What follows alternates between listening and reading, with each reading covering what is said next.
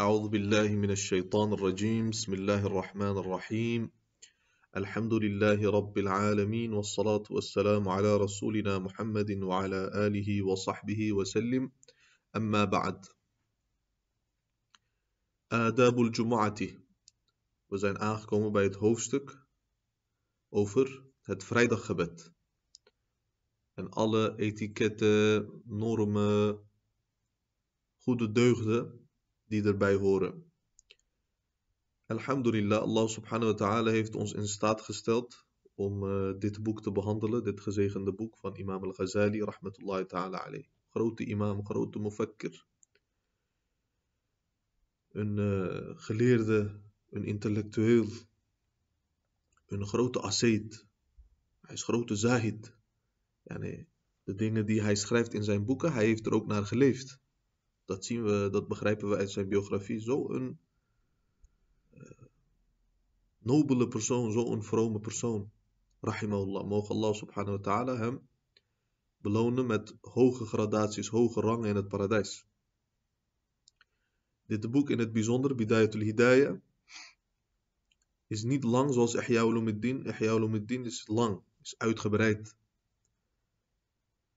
Maar dit boek is korter, compacter, is ook makkelijker, uh, heeft veel overzicht en geschikter voor het publiek, voor de leek, voor beginners. Alhamdulillah. Daarom heeft Imam al-Ghazali dit boek geschreven. Rahmatullahi ta'ala alayh. Het bevat heel veel kennis, heel veel wijsheden. Ihya ulumuddin ook natuurlijk. Het is een groot boek, groot boek. Niemand is masom, niemand is onfeilbaar. Iedereen kan fouten maken. Iedereen heeft fouten. Ja, nee. Klopt, imam, over imam al-Ghazali.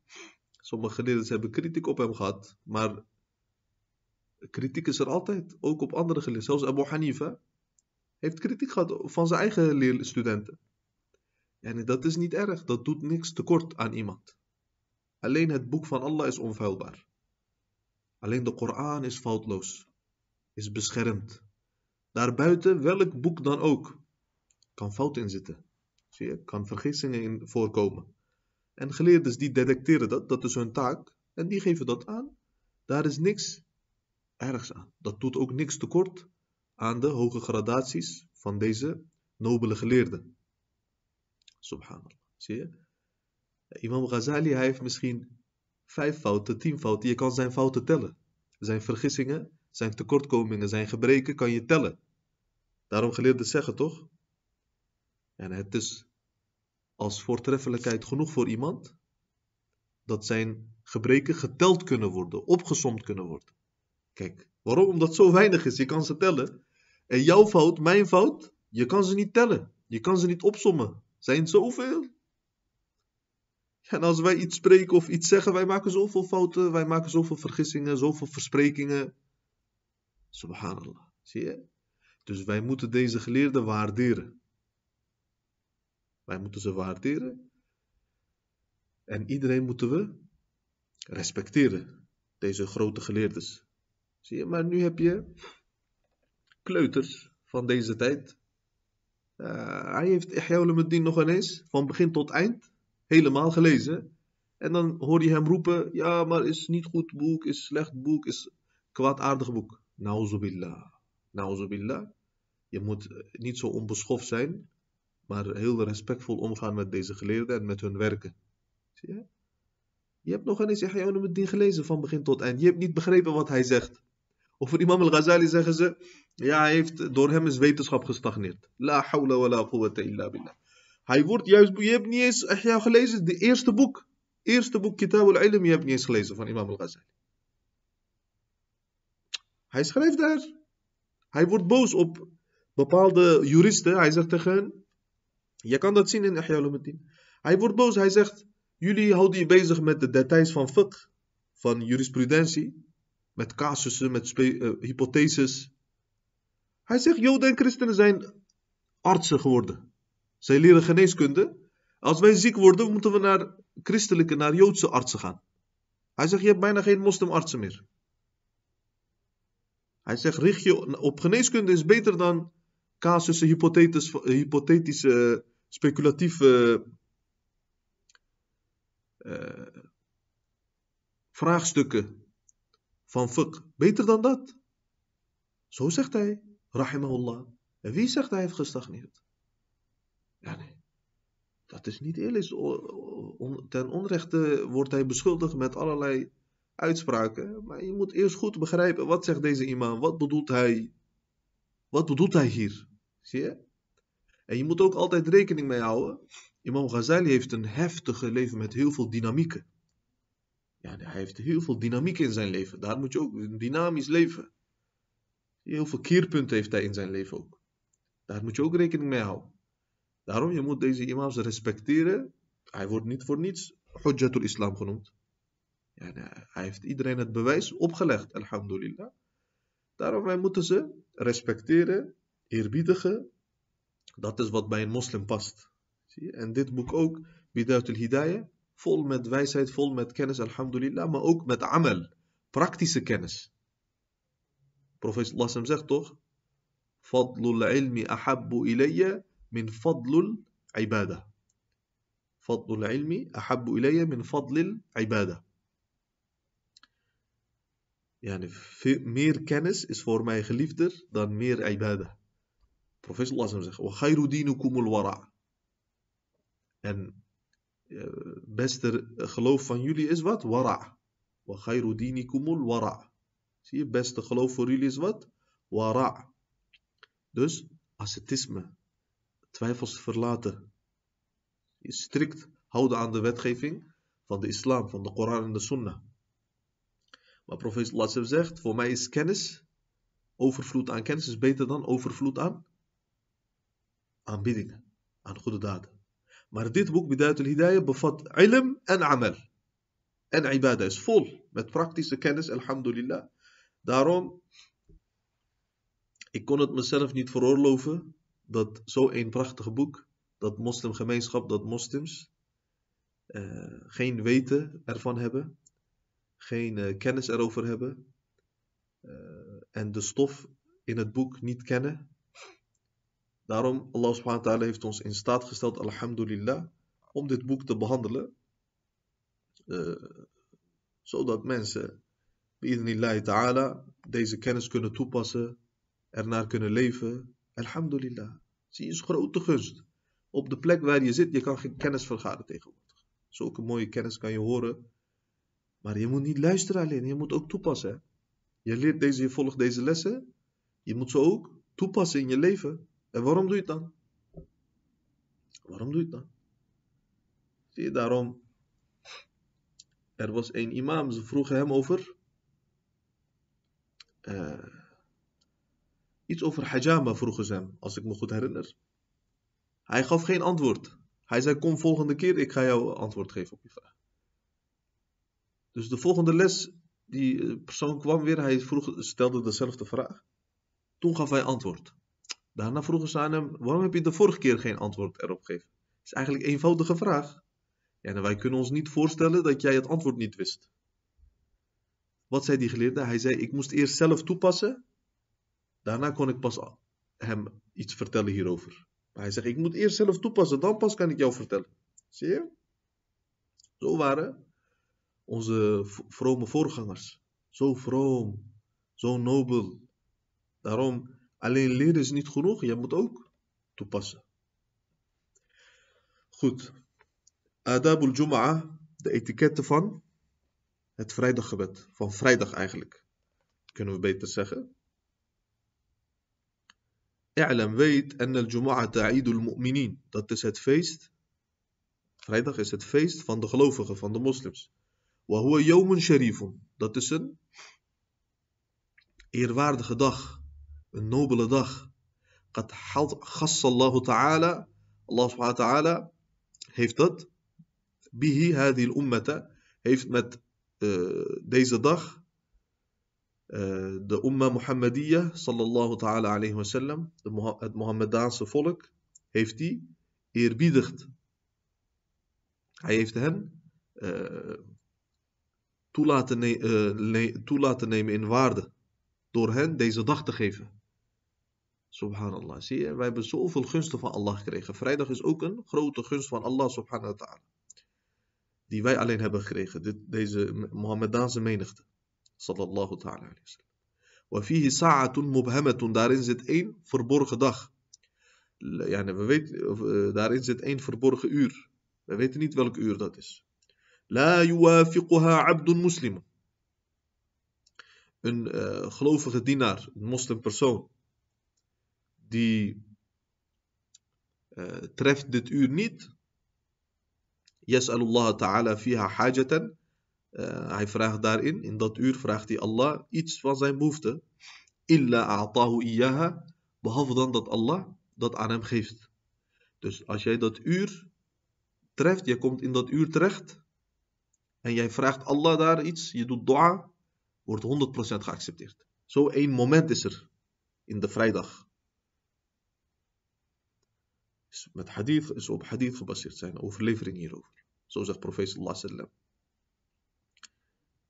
Ja, meest waarschijnlijk is, er zijn hier 15 opinies, als ik me goed herinner over deze hadith, zijn 15 interpretaties. Wat is het? Welk uur is dat? Zoveel dingen zijn gezegd. Maar meest waarschijnlijke lijkt het moment dat de imam op de minbar, op de preekstoel staat, tot de iqama, totdat muezzin iqama doet. Die, periode daartussen uh, wordt gezegd. Wallahu ta'ala a'lam. Daarom, waarom zijn zulke dingen verborgen? Laylatul Qadr ook je meest waarschijnlijke uh, opinie, 27e nacht. Maar is toch niet zeker, is verborgen. Eigenlijk, profeet sallallahu kreeg die kennis, staat in Sahih Bukhari. Profeet sallallahu kreeg die kennis. Hij vertrok met uh, zoveel vreugde om zijn umma te laten weten, om de sahaba te laten weten, radiyallahu anhum ajma'in, dat uh, Laylatul Qadr die nacht is. Dus hij wist precies welke nacht het was. Hij vertrok sallallahu alaihi om dat te vertellen aan zijn sahaba. Maar twee uh, mensen waren daar aan de ruzie. Ze gingen hun stem verheffen, waardoor profeet sallallahu die kennis vergat. Zie je, dus één uh, handeling één uitspraak die gaat in tegen de omgangsnormen van de islam. Kijk wat het bijproduct ervan is. Kijk wat de nare, de ernstige gevolgen ervan zijn. Dat kennis verdwijnt. Zo leggen geleerden uit. Zie je, door dat geruzie, profeet Allah vergat dat. Daarna zei hij, als je, door jullie geruzie heeft Allah mij dat laten vergeten. Zie je, als jullie je goed hadden gedragen, dan was dat niet gebeurd. Maar jullie gedroegen je niet. Uh, daarom, als, uh, nare, als ernstig gevolg daarvan, een soort sanctie, uh, heb ik die kennis vergeten. Zie je? En waarom worden de, dit soort dingen verhuld? Omdat men hiermee wordt aangespoord om het geheel te benutten. Anders zouden mensen alleen dat moment of die nacht benutten. Zouden zeggen: Oké, we gaan de rest van, de, van deze periode gaan we achteroverleunen. Zo zouden ze zeggen, zo zouden ze zich gedragen. Dus om mensen actief te houden, om ze steeds aan te sporen tot het goede, zijn die momenten verhuld. Er zijn wel mogelijkheden gegeven, waarschijnlijke mogelijkheden, maar exacte momenten, exacte dagen zijn verhuld. Zie je? Zoals dit uur. Waarom? Benut de hele vrijdag. Niet alleen dat uur. فاستعد لها يوم الخميس بتنظيف الثياب bereid je alvast voor, zegt imam al-Ghazali, op de dag ervoor. Dus in de avond, bijvoorbeeld op de donderdag al, kan je beginnen met voorbereiden. Door je kleding schoon te maken die je morgen gaat dragen op de vrijdag. وبكثرة التسبيح met uh, het vermeerderen van de tasbih. istighfar en veel vergiffenis vragen aan Allah subhanahu wa ta'ala. Ashiyat al-Khamisi in de avond van donderdag. Dat is dus eigenlijk, is dat de vrijdag. Hè? Dan is vrijdag al in, in de isla, volgens islamitische tijdsbepaling, kalender. Wat, wanneer gaat, uh, gaat een dag in? Als Maghrib ingaat, als de zon ondergaat. Want in de islam komt eerst nacht, dan komt dag. Zie je? Dus na Asr, op de donderdag na Asr al, kan je beginnen met voorbereidingen, zegt Imam al-Ghazali. Fa'innaha sa'atun, dat is ook een moment, die donderdagavond, voor ons donderdagavond, is ook een moment. Tuwazi filfadli is gelijk aan de voortreffelijkheid van wat? Sa'ata al-jum'a is gelijk aan het moment van de vrijdag. Ja, dat is ook, die donderdagavond is ook voortreffelijk, zegt hij, hetzelfde. Zie je? Daarom geleerden zeggen, Allah subhanahu wa ta'ala geeft natuurlijk iedereen een risk. Maar er is ook speciale risk, speciale gunsten en overvloed van Allah subhanahu wa ta'ala. Die geeft hij alleen op donderdagavond aan bepaalde dienaren die die momenten benutten. Daarom donderdagavond is heel belangrijk. Wij zien ook onder de Sahaba, zij uh, doen bijvoorbeeld lezingen, lessen en dat soort dingen. Doen ze, doen ze donderdagavond, deden ze donderdagavond. Waarom? Als ter voorbereiding op de vrijdag. Zie je? Daarom, kijk, deze lezingen worden ook gepubliceerd op donderdagavonden. Waarom? Zodat jij je bezighoudt met kennis, uh, die momenten benut met iets goeds. Dat is heel voortreffelijk. Al-jum'ah. Hij zegt neem ook de intentie voor het vasten van de vrijdag. Lakin maar ma'a sebt samen met uh, zaterdag. Of al-khamis samen met donderdag. Ja, niet afzonderlijk op de vrijdag vasten, maar combineren met de donderdag of de zaterdag. Ieder fi ifradiha nahyun, want als je alleen op vrijdag vast, daar is wel een uh, karaha, is een verbod op, maar karaha tenzihi, uh, dus een lichte, uh, en is afkeurenswaardig om alleen op de vrijdag te vasten. فإذا طلع عليك الصبح als het ochtend wordt, vrijdagochtend, فاغتسل, doe de ghusl, zegt hij. فإن غسل يوم الجمعة واجب Hij zegt de ghusl van uh, de vrijdag is wajib, is verplicht. على كل محتلم voor elke mukallaf. Yani. Muhtalim, yani, hij bedoelt, komt van hilm, yani, iemand die natte droom al heeft gehad. Die vruchtbaar is geworden, biologisch. Uh, hij bedoelt daarmee mukallaf. Yani. Iemand die mukallaf is, yani, toerekeningsvatbaar is geworden. Hij is aansprakelijk voor de wetgeving van de islam. Voor hem is verplicht, zegt hij. Wat bedoelt hij met verplicht? E, hij legt ook uit. E, dus, thabitun mu'akkadun. Dus het staat vast. Deze sunnah, dat je ghusl moet doen op de vrijdag, staat vast. Het is een benadrukte sunnah van profeet sallallahu. Hij bedoelt niet in de zin van fart dat je het verlaat, dat als je het verlaat, dat je zondaar wordt. Niet in die zin, maar je hebt een sunnah verlaten, is niet goed.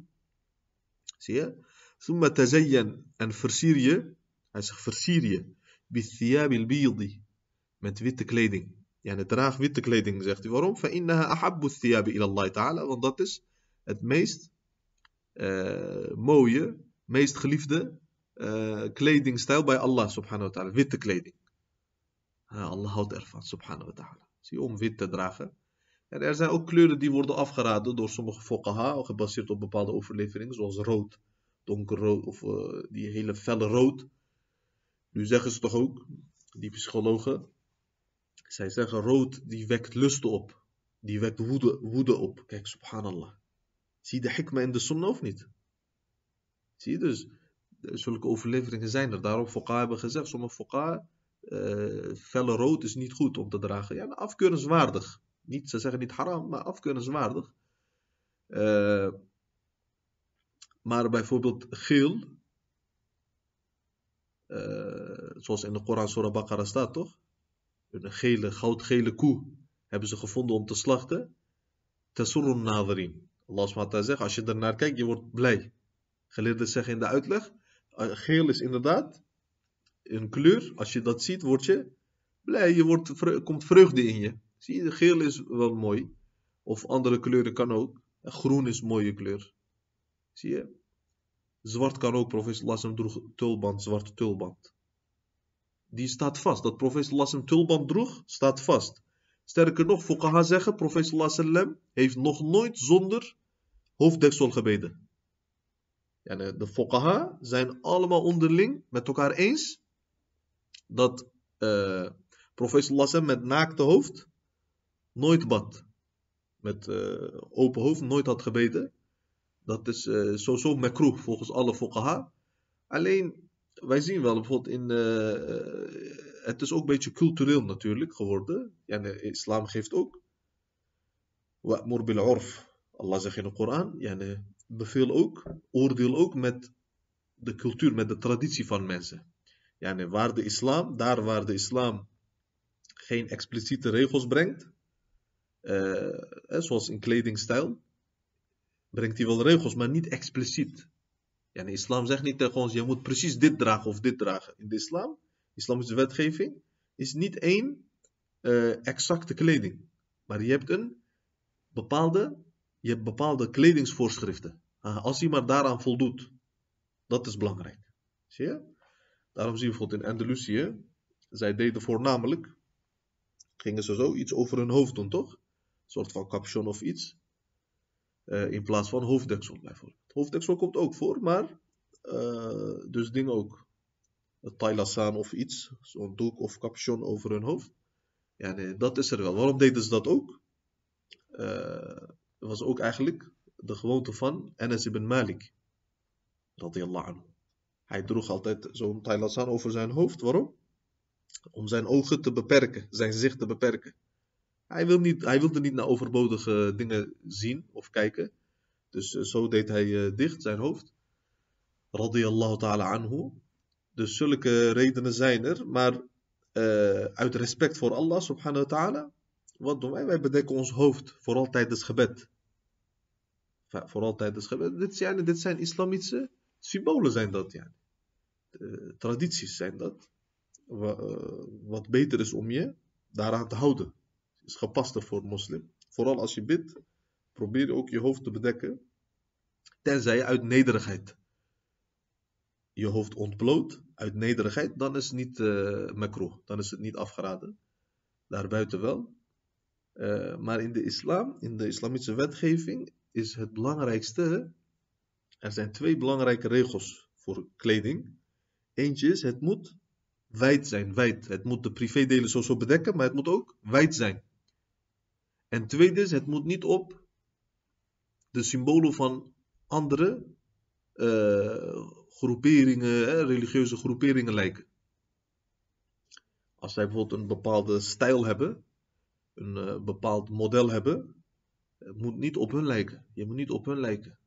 Zie je? Er moet, nu hebben ze bijvoorbeeld van die uh, skinny, weet ik veel, strakke broeken en dat soort dingen.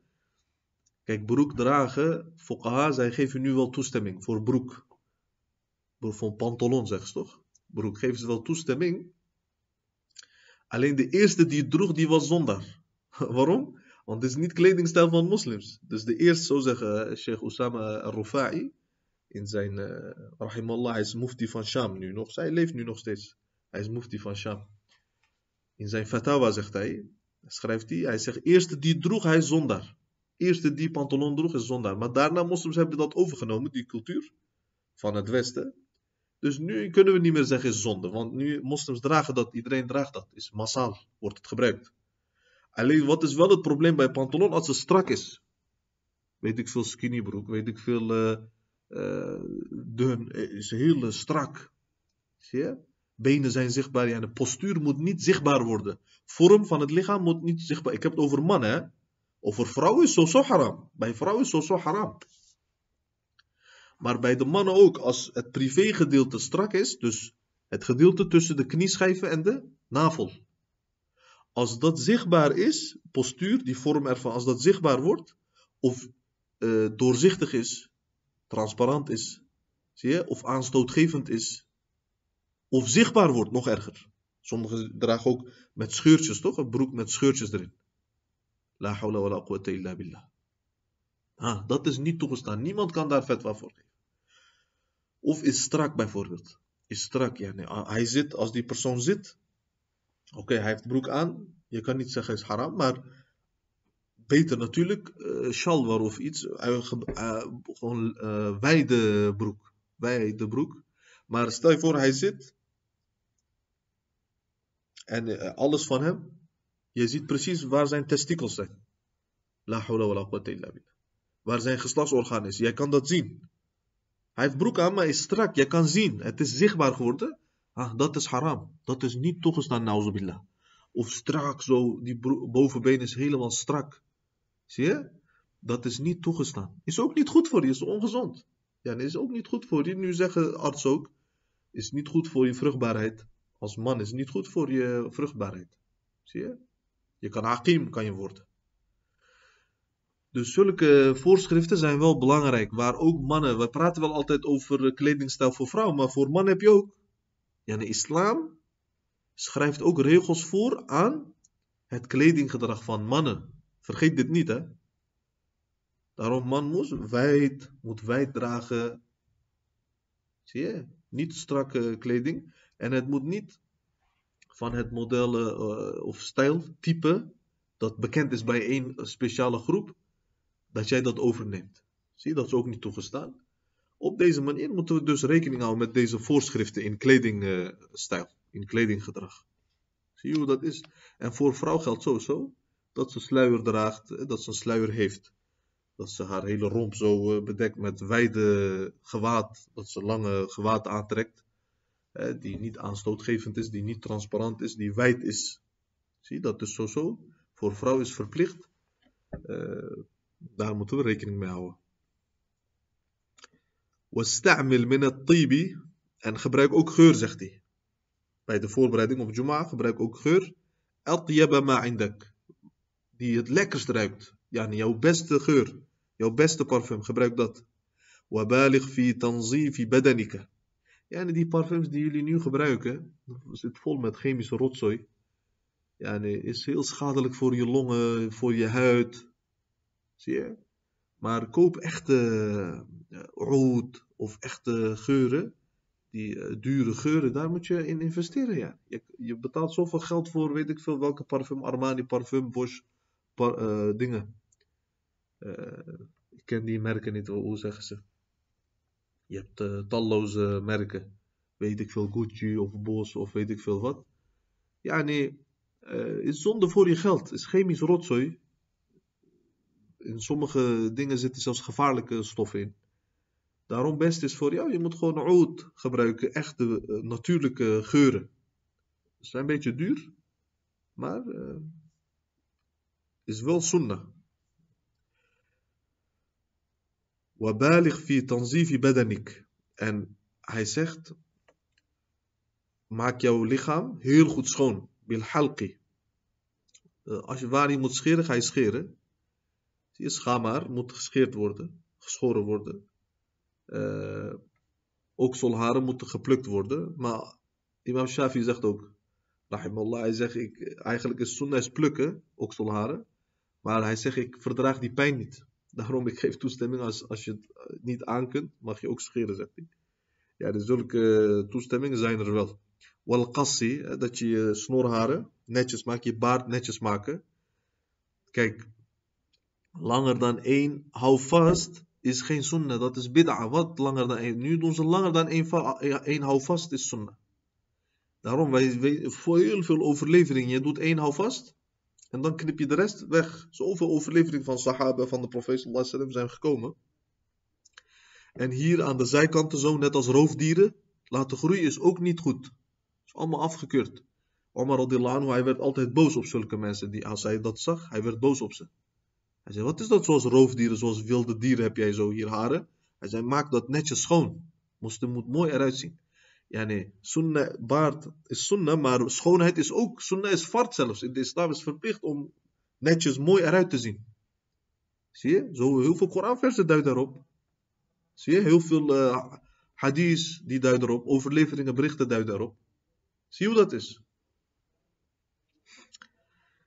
Dus uh, let daarop met je baard, moet je netjes knippen, bijknippen, netjes houden altijd, verzorgd houden. Niet door elkaar, maar netjes maken. Dat is de sunnah. Als je de sunnah doet, je moet goed doen. Zie je? Uh, en korter dan één houvast, ja, de fuqaha zeggen da daar ook, is niet de bedoeling eigenlijk. Zie je? Want als jij baard laat, je moet laten zoals is. Maar sommige groeit niet. Bij mij groeit ook niet. Ik ben dingen. Bij mij groeit niet goed bijvoorbeeld. Dan groeit hier veel, hier heel weinig bijvoorbeeld. Zo groeit hij. Uh, dat kan ja. Bij sommige mensen eh, groeit hij niet goed. Dat is uitgezonderd. Maar als je, als je baard laat, dan moet je goed laten natuurlijk. Je moet ook goed verzorgen. En niet te lang, helemaal zo lang tot de buik of wat dan ook. Net als rabbijnen of wie dan ook. Maar je moet netjes volgens de sunnah moet je doen. En snor, wal. Je gaat je snor netjes bijknippen, zodanig dat je lippen tevoorschijn komen. Sommige geleerden zeggen scheren is beter. Volgens in Hanafi madhab is eigenlijk scheren beter. Maar je ziet bijvoorbeeld volgens Orf, is, het ligt ook een beetje aan de Orf, in, aan de traditie. Daarom in Ottomaanse Rijk, bijvoorbeeld uh, de, Hanafi, de Turkse Hanafis, zij uh, scheren niet. Zij verkorten. Waarom? In de Orf van Turken heb je dat niet, wegscheren. Zie je, daarom uh, dat ja, wordt ook beïnvloed door Orf natuurlijk. Want de hadith heeft niet exact aangegeven hoe moet het nou. Moet je nou helemaal wegscheren of moet je nou verkorten? Dat niet. Maar één ding weten we wel, het moet schoon zijn. Dus die zijkanten, de hoeken van de lippen en de randen, die moeten zichtbaar worden. Niet het groeit helemaal in je mond. Net als de Majus uh, of de, die atheisten doen toch? Sommige nu is baard laten ook uh, mode, opnieuw mode geworden. Daarom iedereen laat baard. Vroeger als je baard liet, werd je buitengesloten. Ze ging met uh, scheve ogen naar je kijken. En nu is het mode geworden. Nu is het makkelijk natuurlijk. Maar uh, wat doen zij? Hun snor is heel onverzorgd, is groot, komt in de mond. Dat is niet de bedoeling. Dat is niet de sunnah. Sunnah is, je moet netjes zo knippen.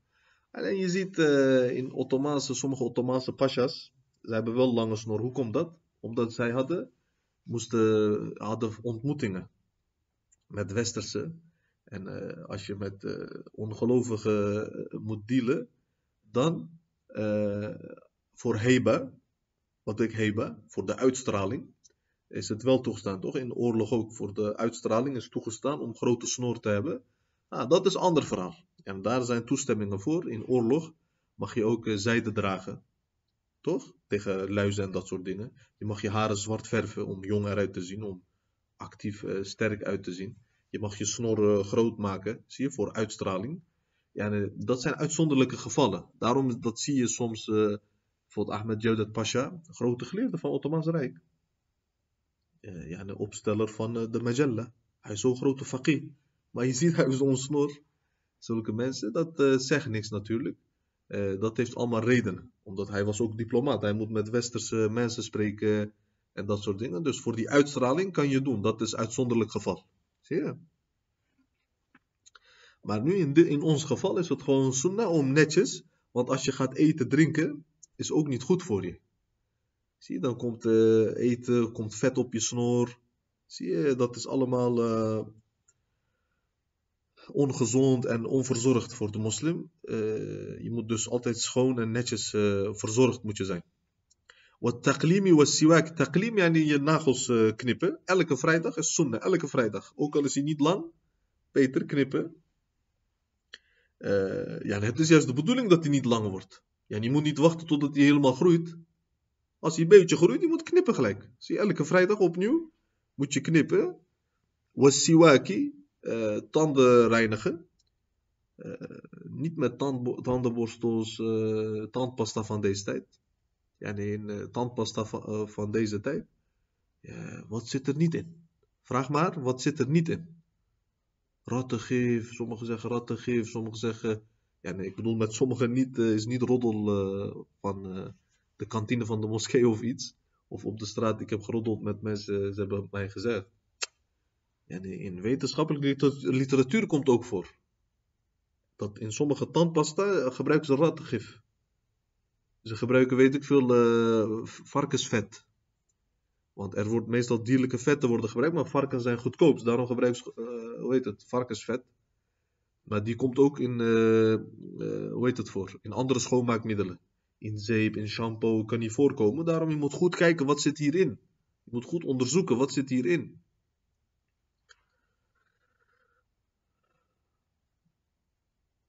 Dus zo zegt hij, je moet met miswaak netjes goed schoonmaken je tanden, je kiezen.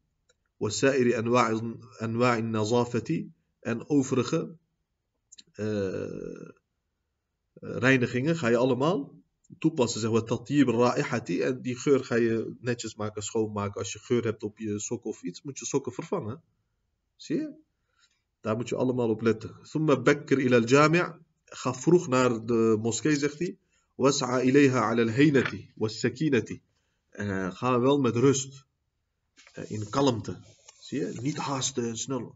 Maar rustig, in kalmte. In rust moet je daar naartoe gaan. Faqad qala Rasulullah sallallahu alayhi wa. Man raha ila al-jumu'ati. Wie naar vrijdag uh, gebed gaat. Fi sa'atul ula In het eerste uur. En volgens wat is dat? Yani vanaf fajr tot zawal. Moet je ongeveer als zes uurtjes zien. Ongeveer heel grof gezegd. Yani. Vanaf fajr naar... je gaat toch naar fajr?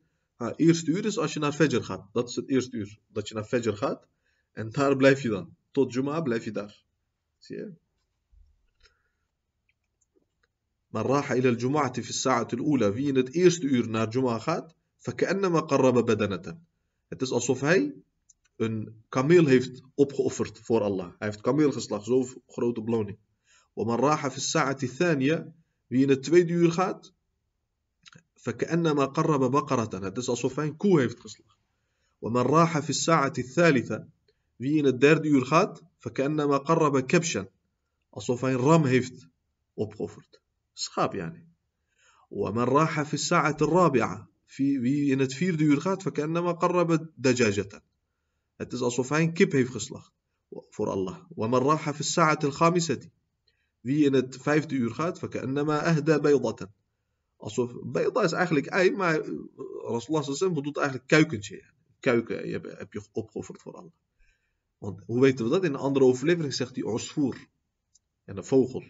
Zie, dus het offerdier wordt steeds kleiner, zeg maar. Hoe later je gaat, hoe kleiner het offerdier wordt. Uh, beloning blijft groot, groot, want je offert iets op voor Allah, maar uh, wel steeds kleiner natuurlijk. فإذا خرج الإمام uh, en als de imam vertrekt, ja, nou, hij komt tevoorschijn, dan weet je ook, okay, hij gaat goed gaat hij geven. Toyat de sohof, uh, worden de boeken, de bladzijden gaan dicht, zegt hij. Wat bedoelt hij daarmee? Engelen doen dicht, ja. Engelen, ze stoppen met schrijven, want ze registreren, ze staan bij de deuren. Engelen registreren wie is wanneer gekomen. Subhanallah. Zie je wat er allemaal gebeurt op de vrijdag? Jij hebt het niet door, maar kijk, wat gebeurt er allemaal? Zoveel dingen gebeuren. Pennen worden neergelegd. Er wordt niet meer geschreven. Bladzijden worden opgerold. واجتمعت الملائكة engelen verzamelen عند المنبر bij de preekstoel van de imam يستمعون الذكر ze luisteren naar uh, wat zegt de imam al die engelen gaan zitten gaan ze luisteren hoeveel engelen komen zo zie je ويقال er is ook gezegd zegt imam al-Ghazali rahmatullahi ta'ala alayhi inna an-nasa fi qurbihim uh, waarlijk de mensen die zijn in hun nabijheid, spirituele nabijheid, en dan nadar ila wajillahi ta'ala, wanneer ze Allah gaan aanstaren. Ja, nou, als ze Allah gaan zien in het paradijs, dan zijn ze dichtbij de engelen ala qadri bukurihim. Naarmate ze dicht, eh, vroeg gingen, uh, ila al-jumu'ati, naar het vrijdaggebed. Dus hoe vroeger je naar het vrijdaggebed ging, hoe dichter ben je uh, gaat komen, uh, zal zijn bij de engelen, uh, bij Allah subhanahu wa ta'ala, spiritueel. Zie je? ثم إذا دخلت الجامعة als je de moskee betreedt فاطلب الصف الأول probeer uh, te doelen op de eerste rij ja, als je in de eerste rij kan bidden is het beste وإذا اجتمع الناس als de mensen bijeen zijn gekomen فلا تتخطى رقابهم als er drukte is niet mensen gaan passeren door over hen heen te lopen uh, dat zie je toch er is een uh, lege plek vooraan. Wat doet hij? Hij uh, passeert iedereen. Hij uh, gaat door, dwarsboomt iedereen en dan gaat hij naar die, om die plek te bereiken. Dat is niet de bedoeling. Dus hele zware bedreigingen zijn daarover gekomen in de hadith. Ja, waarom? Omdat je, moet, je moet geen last bezorgen aan mensen. Zie je? Nee. Als het druk is, moet je gewoon op de eerste vrije plek, ga je dan zitten. Wala tamurra. Ga ook niet voor mensen langs. Dat is ook niet goed, want misschien die man gaat bidden of iets. Of hij is aan het bidden. Je weet het niet. Hij zit, maar je weet het niet. Misschien is hij de tashahud aan het doen. Hij is aan het bidden. Dus niet voor mensen lopen. Wajlis bi qurbi ha'atan. Ga uh, dicht bij een muur zitten. Ustuwanaten. Of voor een dikke pilaar. Ustuwanen zijn van die dikke grote pilaren. Uh, waar je kunt zitten dichtbij. Hatta la yamurra bayna. Zodat mensen ook niet voor jou kunnen lopen. Zie je? Zodat anderen ook niet voor jou kunnen lopen. Neem altijd sutra voor jezelf. Zie je? En hierover zijn heel veel bedreigingen gekomen. Ook voor mensen lopen die aan het bidden zijn bijvoorbeeld. Profeet sallam zegt, het is beter voor je dat je een as wordt en de wind die wijdt jou weg, dan dat je voor iemand uh, loopt die aan het bidden is. Subhanallah. Kijk deze bedreiging. In andere hadith, profeet sallam zegt, als jullie wisten hoe groot die zonde was om voor iemand te lopen die aan het bidden is, zouden jullie tot het laatste uur daar wachten. Tot het laatste uur, tot de dag der opstanding zouden jullie daar stoppen wachten. Als je geen andere optie had. Zie je? Dus zulke bedreigingen zijn gekomen. Daarom, zelfs in sommige wetscholen, wat mag je doen? Jij mag zo je hand tegenhouden. Die persoon mag je tegenhouden. Als hij voor je langs wil, je mag hem zo tegenhouden met je hand. Zie je? Want het is heel erg eigenlijk, zonde. Tenzij natuurlijk niet anders kan. Hè? Als het niet anders kan, je moet ook kijken als die persoon sutra kon nemen, maar hij, is, hij bidt bijvoorbeeld midden op de weg. Of op het looppad bidt hij. En waar moet ik langs? Jij kon daar vooraan bidden, jij komt hier achter bidden. Ha, dan is de zonde voor hem. Als je er langs moet, je kan niet anders, je moet er langs. Dan is de zonde voor hem. Zie hoe dat is. Dat moet je wel goed begrijpen. En bij de Kaaba is ook uitgezonderd natuurlijk. Want mensen zijn met tawaf bezig. Imam begint met uh, dingen. Uh, of jij was daar bezig, je hebt geen plek kunnen vinden, je moet even lopen. maar mensen zijn begonnen met bidden, fart is begonnen. En wat ga je dan doen? Je moet langzaam lopen, je kan niet vliegen over hun heen. Je moet voor hen lopen. Ah, dat is uitzonderlijke gevallen zijn dat. Dat is wat anders. Wala taq'ud. En ga niet zitten hatta tusalli at-tahiyya.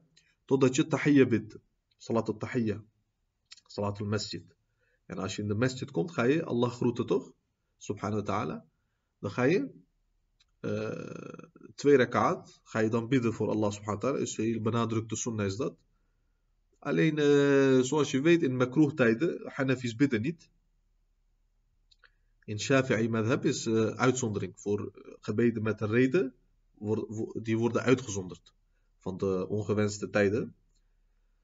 Dus die kunnen alsnog bidden. Maar in Hanafi wetschool uh, bid je niet. Dan ga je rustig zitten als het tijd is. Maar je kan als alternatief kan je zeggen. Subhanallah walhamdulillah wa la ilaha illallah wallahu akbar. ولا حول ولا قوة إلا بالله العلي العظيم. سيدا كومبنسيري dat met, met deze وحسن أن تصلي أربع ركعات. هاي zegt نخ بيت رأش في ركعات بيت. تقرأ في كل ركعة. إن ألك ركعة ليش dan بعد الفاتحة نا سورة فاتحة. سورة الإخلاص. سورة إخلاص خمسين مرة. 50 كير إن ألك ركعة نا سورة فاتحة ليش 50 كير سورة إخلاص.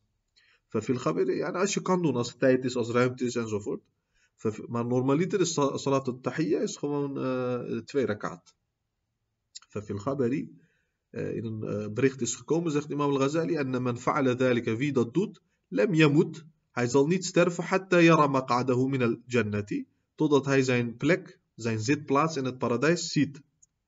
أو يرى له ذلك أفضل ضد ورتهم ختونت سيدوز هاي خد نيت دوت فضط هاي زين بلك إن البارادايس زيت. ولا تترك التحية verlaat tahiyya niet, deze salat. وإن كان الإمام يخطب ook al is imam aan het preken hij is begonnen met de preek hij zegt stel je voor je komt binnen op dat moment doe gewoon de salat al-tahiyya zegt hij maar in Hanafi madhab uh, en uh, voor zover ik me goed, uh, kan herinneren, ook in Maliki Madhab. Als je binnenkomt en imam is goed aan het geven, dan ga je zitten luisteren. Zie je? Zie je, je kan niet bidden. من شافي ماذا بزدستوست من إيرفون. ومن السنة أن تقرأ في أربع ركعات. هاتس أوك سنة وبد فرايدخ وم آه، في ركعة خبات بدا أن دات آه، آه، إن دات خبات فان في ركعة ذات ليست سورة الأنعام نا سورة فاتحة ليش دوس أنعام سورة أنعام. تفيد ركعة والكهف دارد وطاها سورة طاها وياسين. سي سورة ياسين. فإن لم تقدر أشدد نيت كان فسورة ياسين دندو يتمت سورة ياسين. وإس بس لندت سورة أنعام كهف سورة طه. فسورة ياسين دون دويت سورة ياسين وألف لاميم السجدة وحاميم الدخان والملك. تخيم دايز فيردون سختي. يعني دو ديت خبات سختي أوب دو فرايدخ ما إني أدفلك مومنت. وانير تسخيكت ولا تدع قراءة هذه الصور. en uh, verlaat deze, de recitatie van deze Koran-hoofdstukken niet, zegt hij. Laylat al-Jum'ah. De nacht van Jum'ah. Hij zegt, doe dat. En de nacht komt eerder, hè, zoals ik zei. Dus hij bedoelt donderdag vanaf donderdagavond. Wanneer je kan doen, doe dat, zegt hij. فَفِيهَا فَضْلٌ كَثِيرٌ Daarin zit veel voortreffelijkheden, veel deugden zitten daarin. وَمَنْ لَا يُحْسِنُ ذَلِكَ Wie dat niet kan, فَلْيُكْثِرْ قِرَاءَةَ سُورَةِ الْإِخْلَاص Dan moet je je best doen en je vermeerderen in, het, in de recitatie van Surah Ikhlas. وأكثر الصلاة على رسول الله محمد صلى الله تعالى عليه وسلم في هذا اليوم خاصة Hij zegt vermeerder de salawat, de vredesgroeten en zegeningen aan de profeet sallallahu alaihi wasallam. In het bijzonder op de vrijdag. Altijd moet je doen, maar in het bijzonder op de vrijdagen moet je vermeerderen. Is grote deugd, grote goede daad. Wordt gepresenteerd aan Mohammed Mustafa sallallahu alaihi wasallam. Zo zei de profeet sallallahu alaihi wasallam zei, die vredesgroeten van jullie worden gepresenteerd. Man salla alayya wahidatan. Wie één keer salat doet op mij, Allahumma salli ala Sayyidina Muhammad. Best is wa ala alihi wa sahbihi wa. Als je die toevoeging kan doen.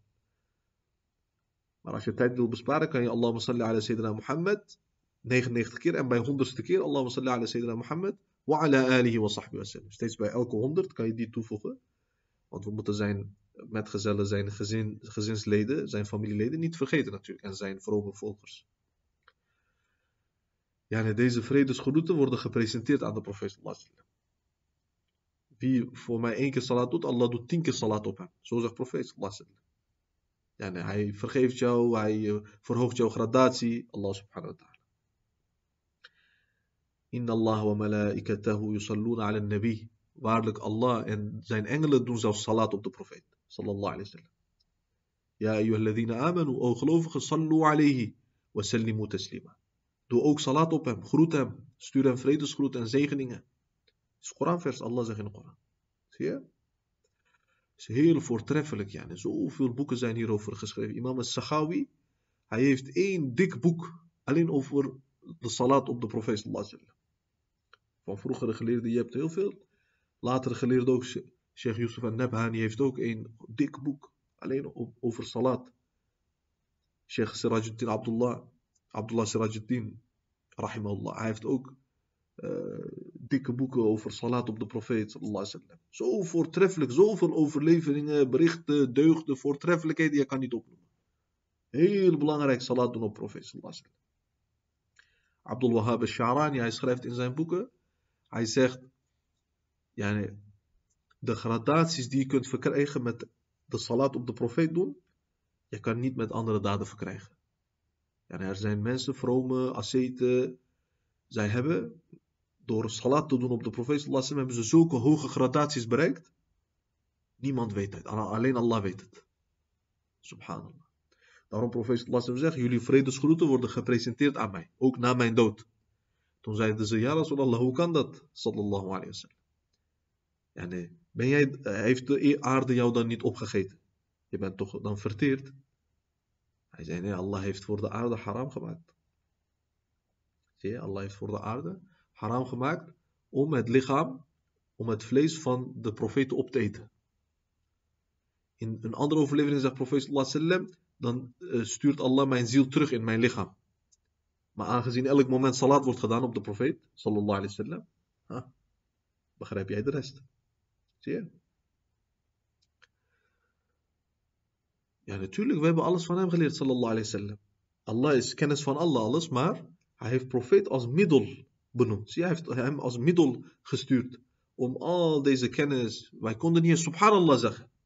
Als hij niet kwam, sallallahu alayhi wasallam, wij wisten niet eens wat is subhanallah, wat is la ilaha illallah. Wij wisten niks. We hebben alles van hem geleerd, sallallahu alayhi wasallam. Wat is goed gedrag? Hoe moet je omgaan met mensen? Hoe moet je reiniging doen? Ja, nee. Hoe moet je eten? Hoe moet je drinken? Hoe moet je slapen? Hoe moet je wakker worden? Alles wij hebben van hem. Hoe moet je Allah aanbieden? Hoe kan je hem tevreden stellen? Hoe kan je vergiffenis vragen? Je zondes laten vergeven? Hoe kan je een goede dienaar, brave dienaar van Allah worden? Alles wij hebben van hem geleerd. Snap je? Dus zijn hak, zijn rechten zijn heel groot. Heel groot. Begrijpen jullie? Hij moet hoog aangeschreven zijn bij ons. Daarom die liefde voor hem, sallallahu alaihi Je kan niet eens volmaakte moslim worden als je niet van hem houdt. Als je geen liefde hebt voor de profeet sallallahu alaihi jij kan geen goede moslim zijn. Begrijp je hoe dat is? Sterker nog, ik zal je zeggen, als je tegen iemand zou zeggen, hou jij van profeet Mohammed sallallahu alaihi? Als hij zegt nee, hij wordt direct kafir. Hij kan niet eens moslim zijn als hij zegt ik hou niet van de profeet sallallahu alaihi wasallam. Snap je hoe dat is? Ja. Daarom je moet vermeerderen de salat op de profeet sallallahu alayhi wa sallam. Wa mahma al imam. Steeds als de imam tevoorschijn komt, faqta is salata wal. Stop met bidden en met spreken. Wa shtagil bi jawab al mu'adhin. Houd je bezig met de reactie op de mu'adhin. Als hij adhan leest. Jullie weten, er wordt twee keer adhan gelezen met vrijdag eh, gebed. Waarom? Die eh, eerste adhan heeft eh, Uthman anhu heeft dat geïmplementeerd. Hoe is dat? Of de tweede azan, hoe je het ziet. Waarom? Omdat masjid werd groter, stad werd groter, meer moslims kregen, gemeenschap werd groter. Eén azan was niet genoeg. Mensen konden niet op tijd komen het gebed redden. Zie je? Door, uh, mensen kwamen in tijdnood. Daarom wat heeft hij gedaan?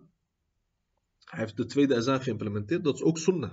Tuurlijk, want profeet sallallahu zegt, klamp je vast aan mijn sunnah en aan de sunnah van mijn rechtgeleide kaliefen. Deze vier kaliefen.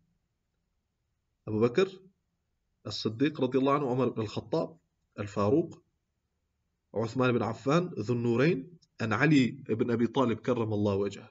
Deze vier kaliefen, dat zijn ook uh, bindende, leidende mensen in de islamitische wetgeving.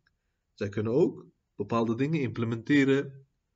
Tuurlijk, zij hebben dat recht, die bevoegdheid hebben ze gekregen. In de daartoe bestemde categorieën van de wetgeving. Tuurlijk.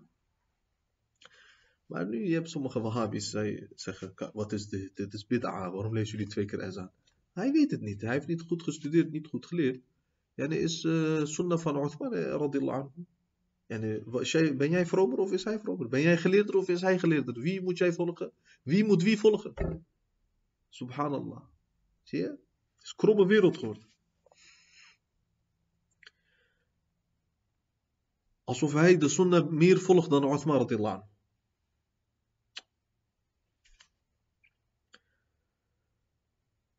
Dus jij moet wat doen? Je bezighouden met de reactie op de muezzin. Als hij adhan leest, jij moet hem nazeggen, toch? En bij hayal al-salah zeg je... La hawla wa la quwwata illa billahi al-ali al-azim. Bij hayal al-falah ook. باستماع الخطبة uh, en daarna houd je bezig met het luisteren naar de khutbah biha. En je moet daar lering uittrekken. Je moet goed luisteren wat zeg je. Hij houdt zich bezig met wat, uh, welke kleding heeft imam aan? Welke kleur is zijn jubba? Waarom is zijn broek zo? Waarom is zijn uh, snor zo? La hawla wa la illa billah. Die man, hij praat voor jou. Ja, hij legt jou iets uit. Hij vertelt jou het geloof. Hij vertelt jou de regels van de islam. Je moet goed luisteren, gehoor geven. Les eruit trekken, lering eruit trekken. Zie je? En niet met stoffering, met tapijt bezig zijn, met de kozijnen tellen. Om je heen kijken wie is gekomen, wie is wanneer gekomen. Wat doet hij hier, wat, waarom is hij gekomen. La hawla wa la quwwata illa billah. Allemaal ja, de listen van shaitan. Hij houdt jou bezig met andere dingen, zie je? Tijdens goed, terwijl jij goed naar imam moest luisteren. En je moet lering uittrekken voor jezelf. Zie je hoe dat is? Je moet imam aankijken, je moet goed naar de aandachtig luisteren. Wat zegt hij? Begrijp je hoe dat is? Maar nu ook is het groot probleem natuurlijk. Die preken zijn grote problemen geworden op, in deze tijd. En waarom? Omdat mensen nu pakken ze pakken blaadje in hun hand, lezen ze dingen voor. En die mensen vallen in 10 minuten vallen ze in slaap. Zie je? Terwijl profeet sallallahu hoe pre, hij? Ja, de sahaba, zij beschrijven zijn preken alsof een generaal zijn leger instrueert over de veldslag die zometeen gaat plaatsvinden. Alsof er een vijand daar staat en ze gaan zo naar de strijd. Zo gaf hij de preek, sallallahu alayhi wasallam. Hij werd rood en heftig en hij sprak, hij schreeuwde, hij verhief zijn stem. Sallallahu ta'ala alayhi wasallam. Serieuze zaak. Daarom Sheikh Ali al-Tantawi, hij zegt, ik heb zoveel lezingen, cursussen, seminars, conferenties, lessen gegeven, zegt hij. Klopt, hij heeft 60, 70 jaar. Hij was in onderwijs. Rahimahullah. Grote leermeester. Hij is grote literator ook. Grote faqih, jurist. Rahimahullah. Hij heeft zoveel boeken geschreven. Hij zegt, hij was grote taalkundig ook, hè? grote literator in de Arabische taal. Sommige woorden, moderne woorden, heeft hij geïmplementeerd in de Arabische taal. En uh, hij zegt, uh, ik heb zoveel lessen en lezingen gegeven, maar voor geen enkele heb ik zo serieus voorbereid als voor de vrijdagpreek. Want voor de, als ik een vrijdagpreek moest geven, zegt hij, dan ging ik altijd van de dagen van tevoren, hij zegt, ik begon met uh, speciale gedenkingen, met adhkar, met awraad. Ik ging sowieso die nacht salat al-tahajjud doen. Nachtgebeden ging ik verrichten. Ik ging Qur'an al-Quran doen, heel veel Koran reciteren voor die preek. Waarom? Hij zegt dat is de maqam van de profeet sallallahu. Dat lijkt niet op lezing of les. Daarom, ik heb persoonlijk ook altijd moeite met vrijdagpreken. Waarom? Je moet heel serieus, je kan niet zo makkelijk bewegen. Kijk, met lezing is geen probleem. Je kan versprekingen doen, je kan vergissingen, je kan een beetje stil zijn. Maar dat is een ceremonie. Vrijdag preken is ceremonie. Je moet heel keurig, nauwkeurig spreken. En correct. Waarom? Dat is een maqam van Rasulullah sallallahu. Dat is zijn positie. Daarom je moet je daar heel erg gedragen. Heel erg serieus. En uh, je moet dat goed voordragen. Daarom goed lijkt niet op iets anders. Maar nu je ziet mensen ze pakken papier in hun hand. Ze lezen weet ik veel gedichten. Boompje, bloempje, beestje. En dan een beetje slijmen bij uh, uh, bepaalde staatsmannen of weet ik veel wat. Gebeurt nu, je ziet het. Oh, dat uh, charlatan. Hij slijmt over de koning. Weet ik veel wat. In de vrijdagpreek. Koning van Nederland. La hawla wa la quwwata illa billah. Ja, we hebben deze zulke preek hebben we gezien. Zulke dagen hebben we meegemaakt. Na'uzubillah. Ja, dit is preek van Rasulullah sallallahu alaihi wasallam. Je moet je gedragen. Kort en krachtig. Maak je punt, ga eruit. Wat praat je uur? Hij praat anderhalf uur goed, weg heeft hij. Anderhalf uur, subhanallah.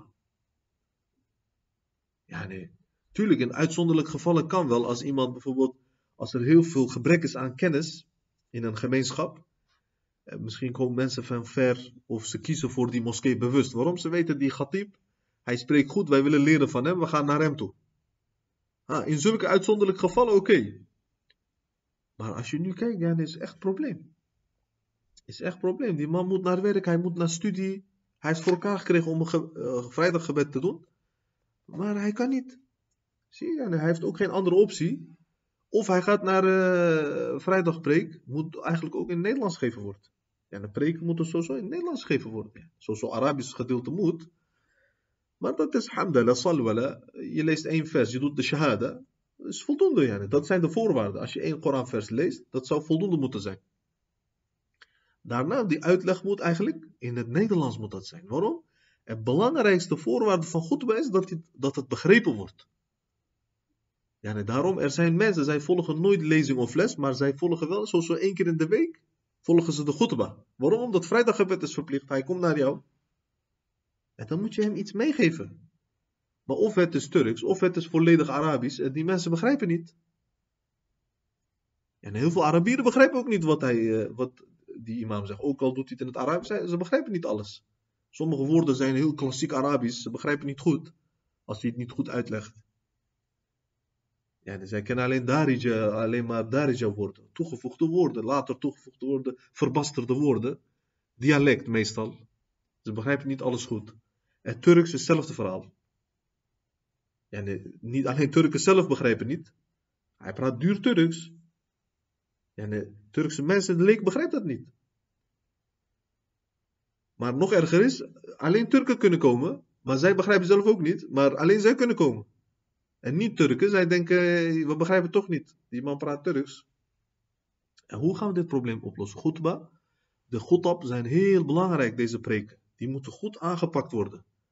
Zie je? En niet uit papier lezen, maar een beetje goede gatib daar zetten. Die moet goed kunnen vertellen, goed kunnen spreken, een beetje vloeiend ook. Hij moet dat goed kunnen uitleggen, toelichten. Waarom? En die persoon komt maar één keer in de week. Zo, de meeste mensen zijn zo. Die hebben bijna niks met les of lezingen te maken. Hij komt alleen naar Godwa. En leer hem daar, daar, iets, geef hem daar iets mee. Zie je? Dit zijn echt belangrijke zaken zijn dit, maar we verachten het helaas als gemeenschap. Fil. Stop volledig met spreken, zegt Imam al-Ghazali, als khutbah is begonnen. Fafil in de overlevering is gekomen. En man qala li sahibihi. Wie tegen iemand, tegen zijn vriend of iets, iemand tegen zijn buur die bij hem zit tijdens de khutbah, imam op, Terwijl de imam goed geeft. Wie zegt ansit of sah. En is stil, stil niet praten. Faqad laga. Profeet Allah zegt, hij heeft lago gedaan. Ja, hij heeft onzinnigheid gedaan ومن laga en wie onzinnigheid doet, wie nutteloze dingen doet tijdens de khutbah, fala jumu'ata lahu. Hij heeft geen vrijdaggebed. Ja, hij heeft geen beloning. Het gaat van zijn beloning af. Ey, dus qawluhu ansit, als hij ansit zegt. فينبغي أن ينهى غيره يعني hij moet die andere persoon waarschuwen bil isharati la bil lafs. Hij moet met uh, gebaar, niet met spreken, met spraak, maar met gebaar moet hij anderen waarschuwen. Als iemand praat, kan hij bijvoorbeeld zo doen of zo. Maar zelfs, er zijn fuqaha, zij, zij keuren dat zelfs af. Ja, zo doen vinden ze niet eens goed. Is ook weer gebaseerd op bepaalde overleveringen. Daarom, je moet goed luisteren naar imam, je moet imam aankijken, je moet goed naar hem luisteren, wat zegt hij. En imam moet ook niet te lang maken, want anders mensen, ja, het gaat om het punt. Je moet een punt maken. De moraal van het verhaal is belangrijk. Niet te lang maken, uh, maar ook niet te kort. Weet je, het moet ook een beetje nuttig zijn. Die mensen zijn gekomen. Maak het nuttig. En eh, het moet verstaanbaar zijn. Ja, er moet, eh, die betekenis moet duidelijk worden bij eh, het publiek. Die gemeenschappelijke taal moet gebruikt worden. Namelijk het Nederlands. In Nederland is het Nederlands. En volg de imam, zoals voorheen is verteld. Ja, je gaat gewoon de imam volgen daarna, als het preek klaar is. خايوك سامة تنبيذ فإذا فرغت وسلمت أشي كلار من ديب سلام خيفة مت ظفرت فقرأ الفاتحة. ليش سورة فاتحة؟ قبل أن تتكلم سبع مرات. فورد سبريك نيت فيروس دينغ زخ فورد كلارس وبدو بلاك باريزيت سيف كير سورة فاتحة. والإخلاص سبعا. سورة إخلاص أوك سيف كير. والمعوذتين سبعا سبعا. المعوذتين فلق الناس أوك سيف كير فلق سيف كير ناس. خير يستير فذلك يعصمك dit, dat beschermt jou zegt hij من الجمعة إلى الجمعة van deze vrijdag naar tot de volgende vrijdag beschermt het jou ويكون حرزا het wordt een uh, harnas een bescherming voor jou لك من الشيطان uh, van de shaitaan وقل بعد ذلك En zeg daarna, als je zeven keer Fatiha, zeven keer Ikhlas, zeven keer Falaq en zeven keer Nas hebt gelezen, zeg daarna deze dua. Allahumma, o Allah, ya Ghaniyu, ya Hamidu. Zijn namen van Allah. O de rijke, o de uh, prijzenswaardige, ya Mubdi'u, ya Mu'id. O de schepper, degene die het leven heeft uh, gestart, heeft veroorzaakt. Ya Mu'idu, Oh, degene die het ook gaat hervatten als iedereen dood is. Allah SWT gaat, hij is mu'id, al-mu'id. Hij gaat het leven weer hervatten. Hij gaat iedereen terugbrengen. Ja Rahimu, oh de genadevolle, ja Wadudu, de geliefde of liefhebber. Aghnini, bihalalika. Maak mij onafhankelijk. Maak mij onbehoeftig, bihalalika, met het toegestane van jou iets wat jij toegestaan hebt gemaakt, maak dat genoeg voor mij. Laat mij daar voldoening uit halen aan haramike. Van het uh, verboden. Ja, nee. Maak het toegestane voor mij genoeg in plaats van het verboden. Zie je? Ja, dan bescherm mij tegen het verboden. Wabi ta'atika en met jouw gehoorzaamheid aan ma'asiyatika. Van jouw ongehoorzaamheid. Zie je? Wabi fadlika en met jouw overvloed aan mensiwaka van iedereen buiten jou. Ja, nee, maak jou met jouw overvloed jou genoeg voor mij. Zie je? Kijk hoe mooi deze dua is. Subhanallah. Thumma. Als deze da'awat alleen, imam al-Nawawi, rahmatullahi ta'ala alayhi, heeft een, een boek geschreven, Al-Adhikar. Al-Adhikar en Riyazul salihin Deze twee boeken moeten eigenlijk in elke moskee, in elke madrasa, elke school, ze moeten onderwezen worden aan mensen, aan kinderen zelfs. Deze twee prachtige boeken, Al-Adhikar en Riyad. al-Salihin van imam al-Nawawi, rahmatullahi ta'ala alayhi. Grote imam. Moet overal onderwezen worden, deze twee boeken. Heel jammer, wallahi heel jammer. Yani, zulke prachtige werken hebben wij in onze literatuur. Ja, is genoeg voor alle maatschappelijke problemen, mentale problemen, noem maar op. Maar helaas wordt niet gedaan. Ja, er wordt niet aandacht aan besteed. Uh, ik snap het niet. Ja. Mensen komen bijeen, ze praten zoveel. Waar praat je in godsnaam over? Pak één adhkar, leer één dua van profeet sallam. Je reinigt je ziel. Je wordt een mooie mens. Je wordt uh, een engel. Wallahi, als iemand al-adhkar leert, riyaz leert, hij leeft ernaar. Deze persoon wordt engel. Hij wordt engel. Als jij engel wordt, Allah helpt jou. Hij stuurt zijn steun. Hij stuurt zijn overvloed. Hij stuurt alles naar jou. Hij brengt alles naar jouw voeten. Natuurlijk. Zo belooft hij in de Koran. Subhanahu wa ta'ala. ثم صلي بعد الجمعة أن بدنا جمعة ركعتين توي ركعت أو أربعة أوفير أو ستة أوف زس ركعت سنة كاي بدأ فكل ذلك all دي آه، دينا هو فيل هيدا مربي ينزل أوف خليفت في أحوال مختلفة مشكلة ده تو ستاندر. ثم لازم المسجد آه، بلايف دارنا in the message in the mosque زغتي نا آه، ويت صلاة الجمعة إلى المغرب. Of ila al-asr, tot asr, en als kan tot maghrib zelfs, tot zonsondergang, heel voortreffelijk. وكن حسن المراقبة للساعة الشريفة en wees scherp. Heel goed uh, op de hoogte, wees heel erg scherp uh, voor dat ene uur, dat ene moment waarin dua zeker wordt geaccepteerd. Dat uh, eervolle uur, eerwaardige uur. فإنها مبهمة, dat is verborgen في جميع اليوم, in die hele dag. فعساك أن تدركها. Misschien dat je dat, ja, die kans is er, met de hoop dat je dat bereikt. Terwijl jij onderhevig bent. Met vrees, met respect, met nederigheid ben je onderhevig aan Allah subhanahu wa ta'ala op dat moment. Je bent mutadarri'un, je bent eh, eh, gericht op Allah subhanahu wa ta'ala. Smekend en nederig heb je je gericht tot Allah, je hebt je gewend tot Allah. Misschien ben je in dat uur ben je al zo en je doet op dat moment dua. Je vraagt van Allah subhanahu wa ta'ala. Inshallah wordt je vergeven. Ben je net als uh, nieuwgeboren baby. Ben je zonderloos inshallah. Wala tahdur fil jami'i. En ga niet in de moskee, als je in de moskee blijft na Jum'a, niet uh, bijwonen wat? Al-hilaqa. De kringen. Ja, de halaqat. Uh, wala tujalis al-qussas. Ook niet bij mensen zitten die verhalen vertellen. Uh, die heb je nog steeds, zulke mensen heb je nog steeds. Ze vertellen verhalen en dat soort dingen. Is wel een goed verhaal. Maar het ligt eraan natuurlijk. Wat voor verhaal vertel je aan mensen? Zie je? Bel majlis al-ilm al-nafi'i, maar ga zitten bij uh, een bijeenkomst waar nuttige kennis wordt uh, gedoseerd. وهو الذي يزيد في خوفك من الله تعالى. Dat is hetgeen wat jou eh, laat toenemen in vrees voor Allah subhanahu wa ta'ala. min. Het vermindert jouw verlangen fi dunya, naar het wereldse. Ilmin la. Elke kennis die jou niet roept. Min het dunya ila al-akhirah. Van het wereldse naar het hiernamaas. Oké? Onwetendheid. A'wadu alayka min. Is beter voor jou dan dat. Je kon beter onwetend zijn. Dan dat je die kennis zou leren. Want die kennis is niet nuttig. Nodeloos. Je hebt niks aan. فاستعذ بالله تعالى من علم لا ينفع. Daarom professor Allah heeft ook toevlucht gezocht. Imam al-Ghazali zegt, zoek toevlucht bij Allah.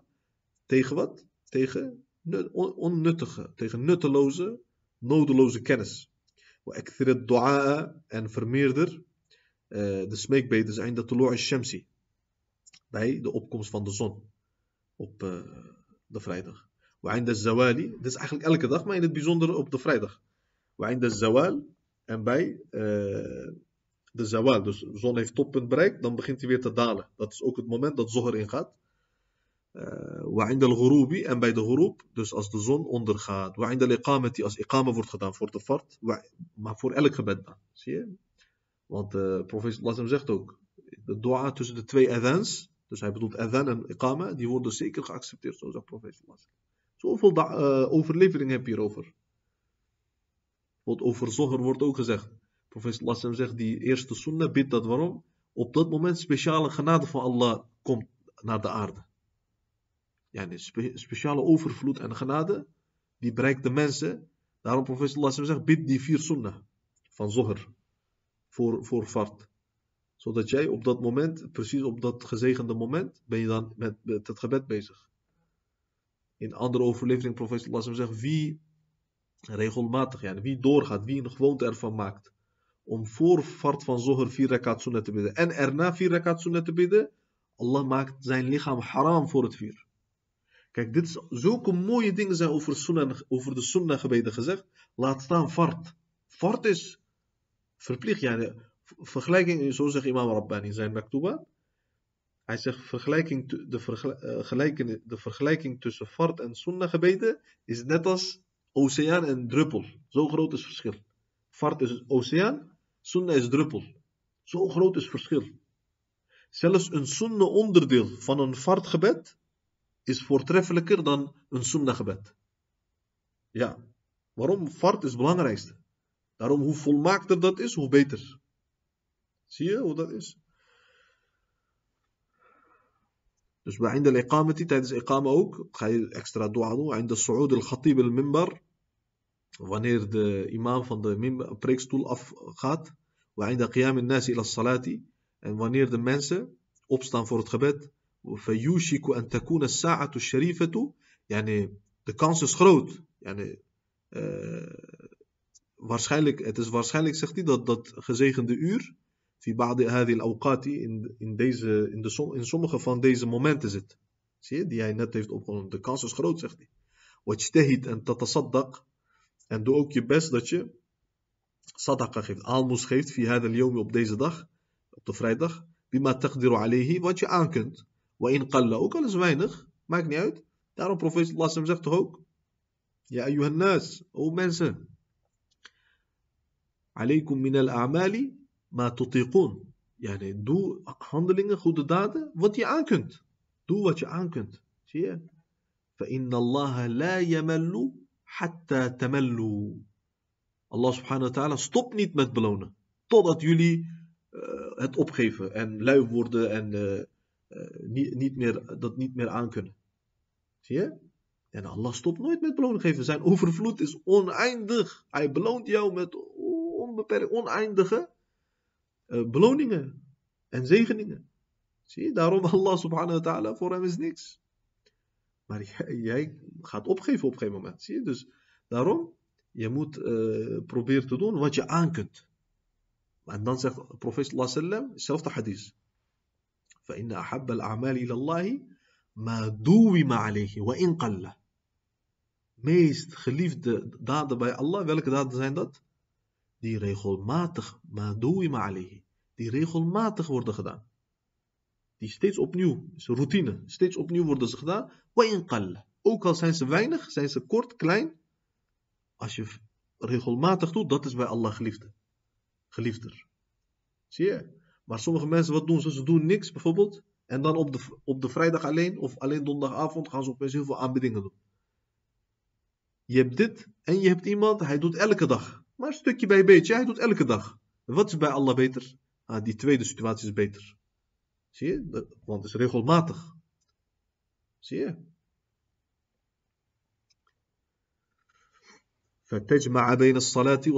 Op deze manier, als je sadaqa geeft, heb je gecombineerd tussen het gebed, aalmoes heb je gegeven, was je hebt gevast, wal qira'ati, en je hebt Koran gelezen, wal dhikri, je hebt Allah herdacht. Wal i'tikaf. En je hebt i'tikaf gedaan, want je ging toch met fajr. Of erna, in ieder geval je ging vroeg, ging jezelf opsluiten in de masjid. Voor een bepaalde tijd. Dat is ook een, soort i'tikaf, is kleine i'tikaf. Ja, en dan heb je al deze belangrijkste rituele aanbiddingsvormen heb je gecombineerd. En dan ook nog eens op de meest gezegende, waardevolle dag.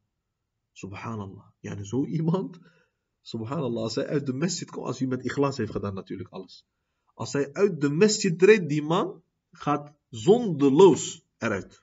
En vrouwen kunnen thuis doen, natuurlijk. Vrouwen kunnen alles, dit alles kunnen ze ook thuis doen. Vrouwen kunnen ook doen, natuurlijk.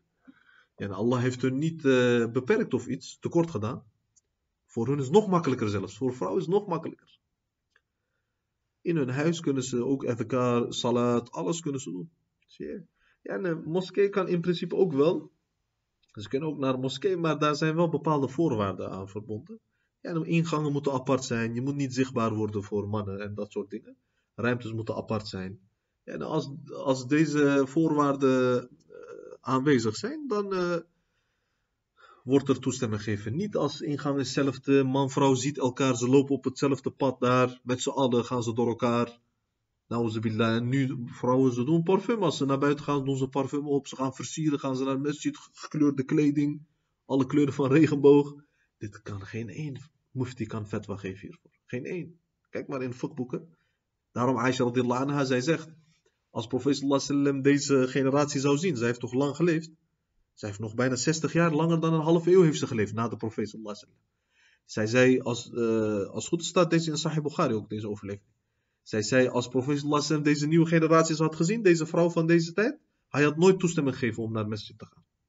Subhanallah. Zie je, daarom, wij moeten deze zaken in acht nemen. Goed, waj'al Maak deze dag min al-usbu'i van de week khassatan li akhiratik. Dan maak deze dag speciaal voor jou uh, hiernamaals. Ja, op zijn minst jouw vrijdag, besteed dat aan Allah. Eén week lang, je bent zo druk bezig met wereldse zaken.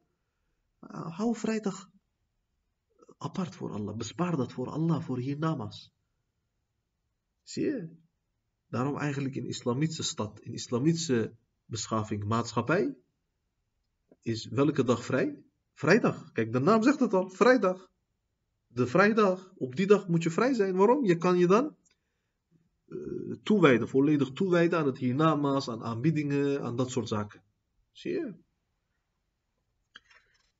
Fa'asahu met de hoop en yakuna kafaratan dat dat, kijk hoe mooi Imam Ghazali zegt. Hij zegt met de hoop dat dat een kwijtschelding wordt. Nou, als je op zijn minst die vrijdag goed benut in zijn geheel, dan wordt dat misschien een kwijtschelding voor jou, zegt hij, voor de rest van de week. Zie je, want je bent eigenlijk gemaakt om Allah te aanbidden. Maar jij doet niet, zes, één week lang. Als je tenminste vrijdag benut, Allah heeft daarom deze dag gegeven aan ons, benut dan op zijn minst die ter verlichting, vergemakkelijking voor ons. Benut die dag, wordt tenminste een kwijtschelding voor die overige zes dagen. Subhanallah. Zie je hoe mooi dat is. سبحانك اللهم وبحمدك أشهد أن لا إله إلا أنت أستغفرك وأتوب إليك. اللهم صل على سيدنا محمد وعلى آله وصحبه وسلم.